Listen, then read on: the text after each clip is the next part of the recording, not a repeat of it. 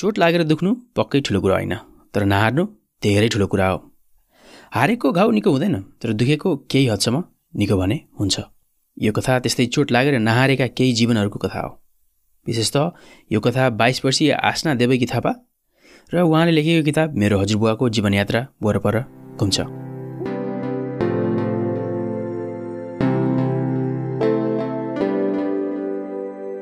Hello and welcome to the Kuracast. And in this podcast, I unfold stories of difficulties and crises experienced by people from all walks of life and the ways they overcame the failure. Mera naam Oscar Sagar.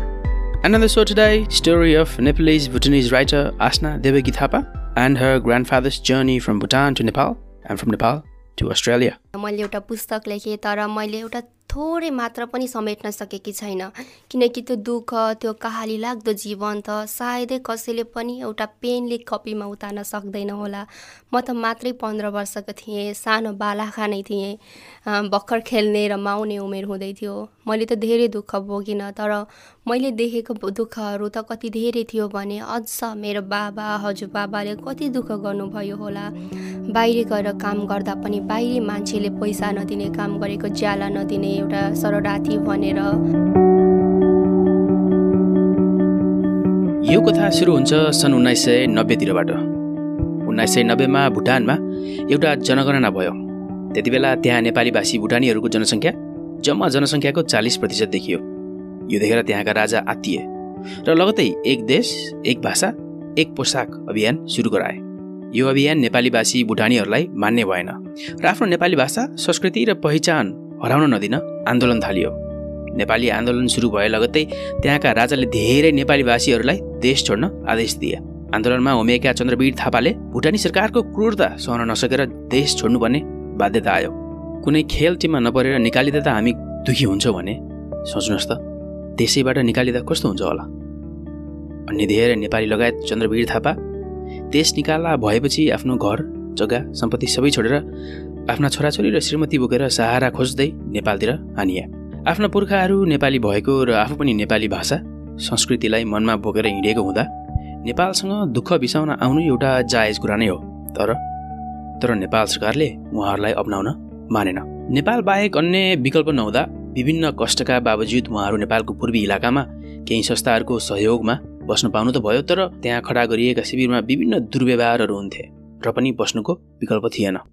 सन् दुई हजार तेह्रमा केही संस्थाको पहलमा स्वर्गीय चन्द्रवीर थापा लगायत उहाँकी श्रीमती छोराछोरी र नाति नातिनीलाई अस्ट्रेलियाले स्वागत गर्यो। नातिनी थिइन् आसना देवकी थापा। आसनाले भर्खरै आफ्नो स्वर्गीय हजुरबुवाको सम्झनामा एउटा किताब लेखेकी छिन् सो एक बाइस वर्षीय केटीले आफ्नो हजुरबुवाको सम्झनामा उहाँको जीवनयात्राको कथा लेख्नुले के अर्थ राख्छ त? यो किताबले सायदै धेरै अर्थ लाग्छ राख्छ जस्तो लाग्छ। एउटा त भयो एउटा हजुरबाबा र नातिनीप्रतिको प्रेम पनि यति धेरै हुन्छ। एउटा नातिनीले आफ्नो हजुरबाबाप्रति यति धेरै श्रद्धा गर्छ भन्ने छ। अहिलेको समयमा आफ्नो बाबा आमालाई दिने समय हुँदैन। अझ हजुरबा हजुरआमा त परको कुरा भइसक्नुभयो।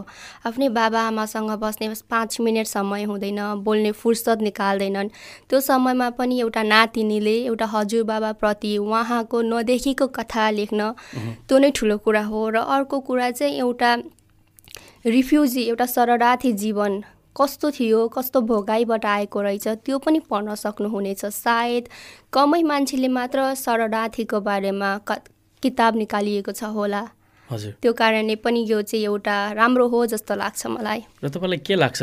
तपाईँले भन्नुभयो कि धेरै कम मात्राले किताब लेख्नुभएको छ शरणार्थी जीवनलाई समेटेर र कम मात्राले शरणार्थी जीवनका कष्टकर कुराहरू बाहिर ल्याउन एकदम गाह्रो मान्नुहुन्छ। तपाईँलाई यो के कारणले जस्तो लाग्छ कि? तपाईँ यो भाषागत अज्ञानता हो अथवा एउटा अर्कै छुट्टै कुनै फ्याक्टर छ जसले गर्दा मानिसहरू बाहिर आउन खोजिरहनु भएको छैन।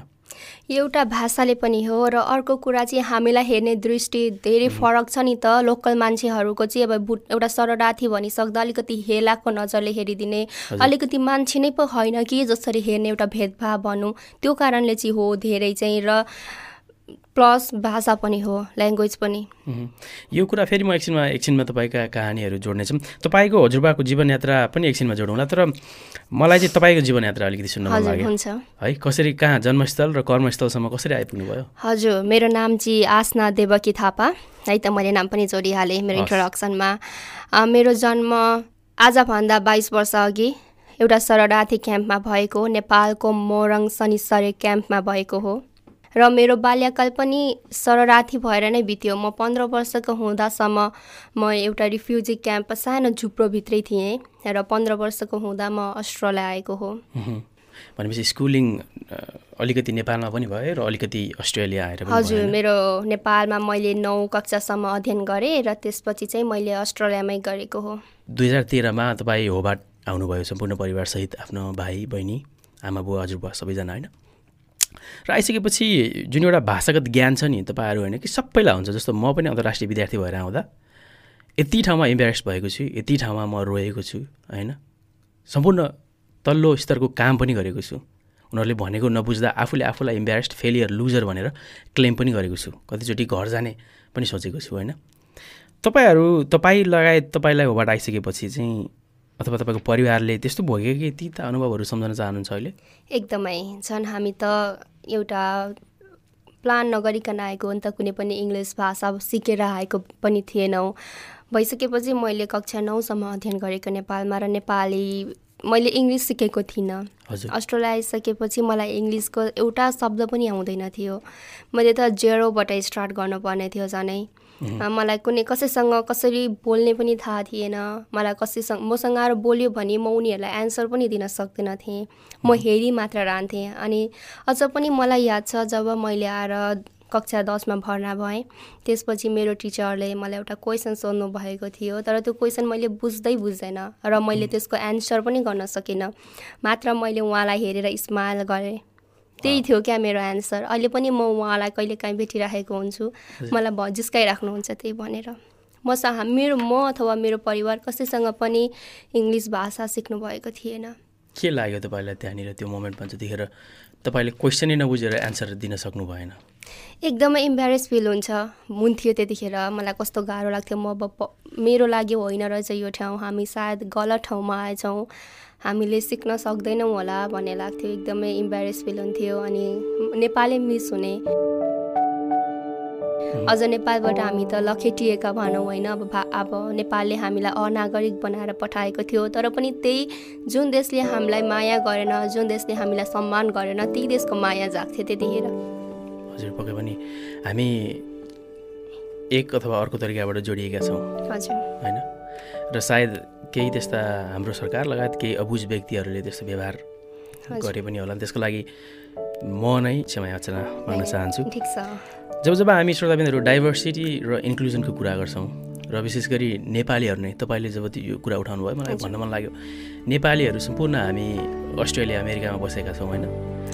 हामी यस्तो भनरेबल छौँ नि यहाँ हामी यस्तो इन्सेक्युर छौँ नि जस्तो हामीलाई यहाँ कसैले केही गर्यो भने पनि त्यो रङ्गभेद हो कि जस्तो लाग्छ? होइन? अलिकति केही पोलिटिकल्ली इन्करेक्ट वर्ड बोल्यो भने पनि त्यो रङ्गभेद हो कि जस्तो लाग्छ। अनि त्यति बेला हामी नेपाली लगायत अन्य रङका मान्छेहरूले भन्छ कि ओहो डाइभर्सिटी र इन्क्लुजन छैन यो देशमा यो देशमा रङ्गभेद छ भनेर। तर डाइभर्सिटी र इन्क्लुजन भन्ने त हामीले हाम्रो देशबाटै सिक्नुपर्ने होइन र।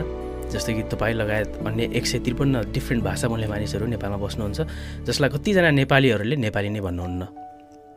त्यही भएर अरूको देशमा आएर तपाईँ डाइभर्सिटी र इन्क्लुजन खोज्नुहुन्छ भने तपाईँले गर्ने व्यवहार आफ्नै नेपालीहरू दाजुभाइलाई गर्ने व्यवहार पनि तपाईँले एकचोटि फेरि सम्झिनु पर्ने हुन्छ। भनिदिनुहोस् तपाईँको आमा बुवा दिदी बहिनी दाजुभाइ जो हुनुहुन्छ नेपालमा यो जरुरी छ। तपाईँ यदि रेस्पेक्ट खोज्नुहुन्छ यो देशमा भने तपाईँको बुवा आमा र साथीभाइले पनि नेपालमै बस्ने मानिसहरूलाई रेस्पेक्ट गर्न पहिला सिक्नुपर्छ। खैर यो कुराहरू जोड्छौँ फेरि नै। अब चाहिँ तपाईँको हजुरबाको यात्रातिर लगाउँ हजुर। कसरी भुटानबाट नेपाल नेपालबाट होबाट र किन आइपुग्नु भयो चन्द्र थापाजी? बस्दै जाँदा नेपालमा आइसकेपछि अब नेपालले पनि त नेपाली भनेर स्वीकार गरेन नि त। कति ठुलो आ सपना बोकेर आउनुभएको थियो आफ्नो मातृत्व आफ्नो धेरै पुर्खा अगाडिको धेरै पुर्खाहरू बसेको जन्मथलो भनौँ न पुर्खाहरूको जन्मथलो। खोज्दै आइसकेपछि एउटा नेपाल राज्यले गर्नुपर्ने उसको दायित्व पनि निभाएन। अझै अनागरिक बनाइदियो अझै अपहेलना गर्न थाल्यो हेलाको नजरले हेरिदिने। त्यो भइसकेपछि यो विदेशी संस्थाहरूले भनौँ न दात्री संस्थाहरूले सातवटा क्याम्प एउटा रिफ्युजी क्याम्प खडा गरिदियो र त्यही क्याम्पमा बस्नुभयो। उहाँ बसेको बिस बाइस वर्ष त्यही क्याम्पमा बस्नुभयो। त्यही एउटा शरणार्थी जीवन भोगेर बस्नुभयो। बस्ने क्रममा दुई हजार तेह्रमा आएर आइओएम भन्ने संस्थाले हामीलाई अस्ट्रेलियासम्म आउने एउटा बाटो बनाइदिनु भयो। हजुर। तपाईँले यहाँ प्रसङ्ग जोडिहाल्नु भयो जस्तो कि नेपालमा नेपालले हामीलाई स्वीकारेन भनेर होइन? हजुर। मैले यदि तपाईँलाई भन्न मन छ भन्ने भन्दा पनि हुन्छ भन्न मन छैन भने ठिकै छ नभन्नुहोस् होइन? केही पनि त्यसमा जरुरत मैले तपाईँलाई प्रेसर दिन चाहन्न। नेपालमा क्याम्पमा बसिरहँदा तपाईँ पनि त क्याम्पमा हुर्किनु भयो नि होइन? क्याम्पका के अनुभवहरू सुनाउनु तिता मिठा छन् तपाईँसँग? एकदमै। त्यो त सायद कुनै कपीमा मैले उतार्न पनि सक्दिनँ। मैले एउटा पुस्तक लेखेँ तर मैले एउटा थोरै मात्र पनि समेट्न सकेकी छैन। किनकि त्यो दुःख त्यो कहाली लाग्दो जीवन त सायदै कसैले पनि एउटा पेनले कपीमा उतार्न सक्दैन होला। म त मात्रै पन्ध्र वर्षको थिएँ सानो बालाखा नै थिएँ। भर्खर खेल्ने र माउने उमेर हुँदै थियो। मैले त धेरै दुःख भोगिनँ तर मैले देखेको दुःखहरू त कति धेरै थियो भने अझ मेरो बाबा हजुरबाबाले कति दुःख गर्नुभयो होला। बाहिर गएर काम गर्दा पनि बाहिरी मान्छेले पैसा नदिने काम गरेको ज्याला नदिने एउटा शरणार्थी भनेर बाहिर जस्तो सुकै खानाहरू पनि खाइहाल्छन् नि भन्ने कुराले हेप्ने हामीले बाहिर गएर बाहिरको एजुकेसन लिन नपाउने हामीसँग। त्यो एउटा आइडेन्टिटी नभएको कारण थुप्रै छ। हामीले दुःख गर्न पर्ने। हामीसँग इलेक्ट्रिसिटी थिएन। हामीसँग पा इलेक्ट्रिसिटीहरू केही पनि थिएन। अनि जङ्गल गएर दाउरा ल्याएर बाल्न पर्ने। त्यो बाल्न पनि नदिने बाहिरको मान्छेले त्यो दाउराभित्र ल्याउनै नदिने। कति धेरै हाम्रै आमा बाबाहरूले कुटाइ खानुभएको छ दाउरा लिन जाँदा। मेरै बाबा आमा र अन्य मान्छेहरूले कति महिनौसम्म काम गरेर बोक्कै घर आउनु भएको छ। खाली हात आफ्ना नानीहरूलाई खाना खुवाउँछु भनेर काम गर्न गयो तर पिटाइ खाएर आउनु भएको छ। साह्रै नै दुःख लाग्दो कहानी सुनाउनु भयो यहाँनिर। मैले केही कहानीहरू पढेको पनि थिएँ र यो फेरि मलाई भनिराख्न पनि मन लाग्दैन। जुन हामी नेपालीहरूले तपाईँहरू तपाईँको समुदायलाई प्रति गरेको व्यवहार साँच्चै नै दुःखदायी छ। अघि पनि भनिसकेँ यसको लागि म नै क्षमा माग्न चाहन्छु यहाँनिर।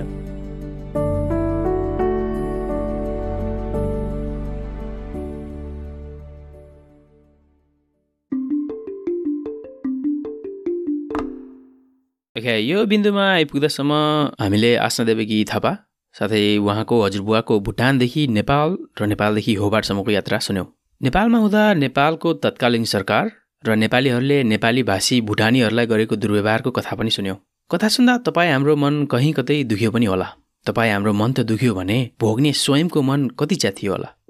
अस्ट्रेलियामा बसोबास गरिरहनुभएका धेरै नेपाली भाषी भुटानीहरूले त्यो च्यातिएको मन बिस्तारै सिलाउँदै हुनुहुन्छ। आउनुहोस् प्रसङ्ग जोडौँ आस्नाकै। नोभेम्बर दस दुई हजार बिसको दिन आफ्नो हजुरबुवा चन्द्रवीर थापाको निधन भएको एक वर्षको पुण्यतिथिमा आस्नाले माया तथा श्रद्धाञ्जली आदान प्रदान कार्यक्रम राख्नुभएको रहेछ। उक्त कार्यक्रममा मैले पनि जाने मौका पाएको थिएँ। बाक्लो रूपमा मान्छेहरू जमघट भएका थिए। नेपाली नेपाली भाषी भुटानीहरू र तास्मेनियाकै रैथानीहरू लगायत अन्य बुद्धिजीवीहरूको बाक्लो उपस्थिति थियो। एउटा विशेष कुरो त के छ भने उहाँले आफ्नो हजुरबुवाको जीवनी लेख्नु भएको रहेछ। यो सुनेर म एकछिन रन्थनिए सायद त्यहाँ उपस्थित सबै रन्थनिए होलान्। आफ्नो हजुरबुवा बितेको एक वर्षको तिथिमा उहाँकै जीवनी समेटिएको पुस्तक विमोचन गराउने ती नातिनीले जे महसुस गरिरहेकी थिइन् त्यो त म महसुस गर्न सक्दिनथे। तर उनको मुहारमा पोतिएको हर्ष भने म चाहिँ पक्कै देख्न सक्थेँ। किताबमा हजुरबुवा बुवा र आफ्नो समेत कथा समेटिएको रहेछ। नेपाली भाषी भुटानीले खेपेको त्यो कष्टको बारेमा धेरैलाई जानकारी होला। तर यदि छैन भने पनि यो पुस्तकले धेरै जानकारी पक्कै गराउला। पुस्तक साथीभाइ इष्टमित्र र ग्लेनोरकी सिटी काउन्सिलकी मेयर क्रिस्टी जोन्सनको हातबाट विमोचन भयो। उपस्थितहरू एकअर्कामा खुलेर कुरा गरिरहेका थिए। अचम्मको कुरा त के छ भने जति मात्रामा उहाँहरूका आफन्तहरू उपस्थित थिए त्यति नै मात्रामा यहाँका रैथाने अर्थात् गोराहरू पनि उपस्थित थिए। भाषाको पर्खाल नागेर त्यहाँसम्म पुग्न सक्नु त्यो परिवारको महानता हो विशेष रूपमा हजुरबुवाको एउटै टेबलमा गोराहरू र नेपाली भाषीहरू बसिरहेका थिए। भाषा नबुझे पनि सम्वाद गरिरहेका थिए। कसैको अनुहारमा पनि रङ्गभेदको गन्ध थिएन। थियो त केवल प्रेम र करुणाको। सांस्कृतिक विविधतामा मैले जुन किसिमको आफ्नोपन पाएँ त्यो यो संसारभरि हुन जरुरी छ जस्तो लाग्छ मलाई।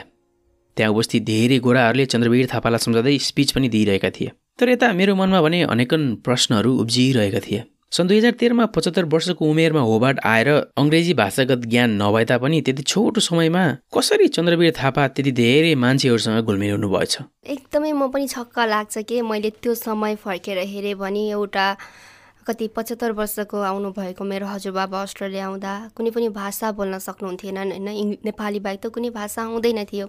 त्यो हुँदा पनि कति छिटो घुलमिल हुनुभयो एउटा यो समुदायका मान्छेहरूसँग। सायदै मैले काउन्ट गर्न पर्छ भने मेरो हजुरबाबाको मित्रहरू अस्ट्रेलियन मित्रहरू धेरै छन् मेरा भन्दा बाबाले कति छिटो साथीहरू बनाउने सायद बाबाले जति जनासँग भेट्नु भएको छ आएर सबैजनासँग धेरै नजिक भइसक्नु भएको छ। बाबाको त्यो एउटा ज्ञान हो जस्तो लाग्छ मलाई। सायद भगवान्ले गड गिफ्टेड गरेको हुन्छ नि कुनै कुराहरू त्यही होला जस्तो लाग्छ मेरो बाबामा। एकदमै शालीनता सबैसँग नम्र बोल्ने मेरो बाबाले ठुलो स्वरमा बोलेको मलाई थाहा छैन। एकदमै मिलनसार सबैसँग सानो होस् या ठुलो होस् सायद त्यही भएर होला त्यही कुराले होला धेरै नजिक हुनुभएको र सम्पूर्ण मान्छेहरूको माया पाउनुभएको। मैले अघि पनि भनिसकेँ आफ्ना नेपाली साथीभाइहरू त त्यति नै थिए पनि त्यो विमोचन कार्यक्रममा र त्यत्तिकै मात्रामा अस्ट्रेलियालीहरू पनि थिए। हजुर। होइन? र त्यहाँ धेरैजनाले स्पिच पनि दिनुभएको थियो। हजुर। र त्यो स्पिच सुन्दा म नै आफै दङ्ग परेको थिएँ।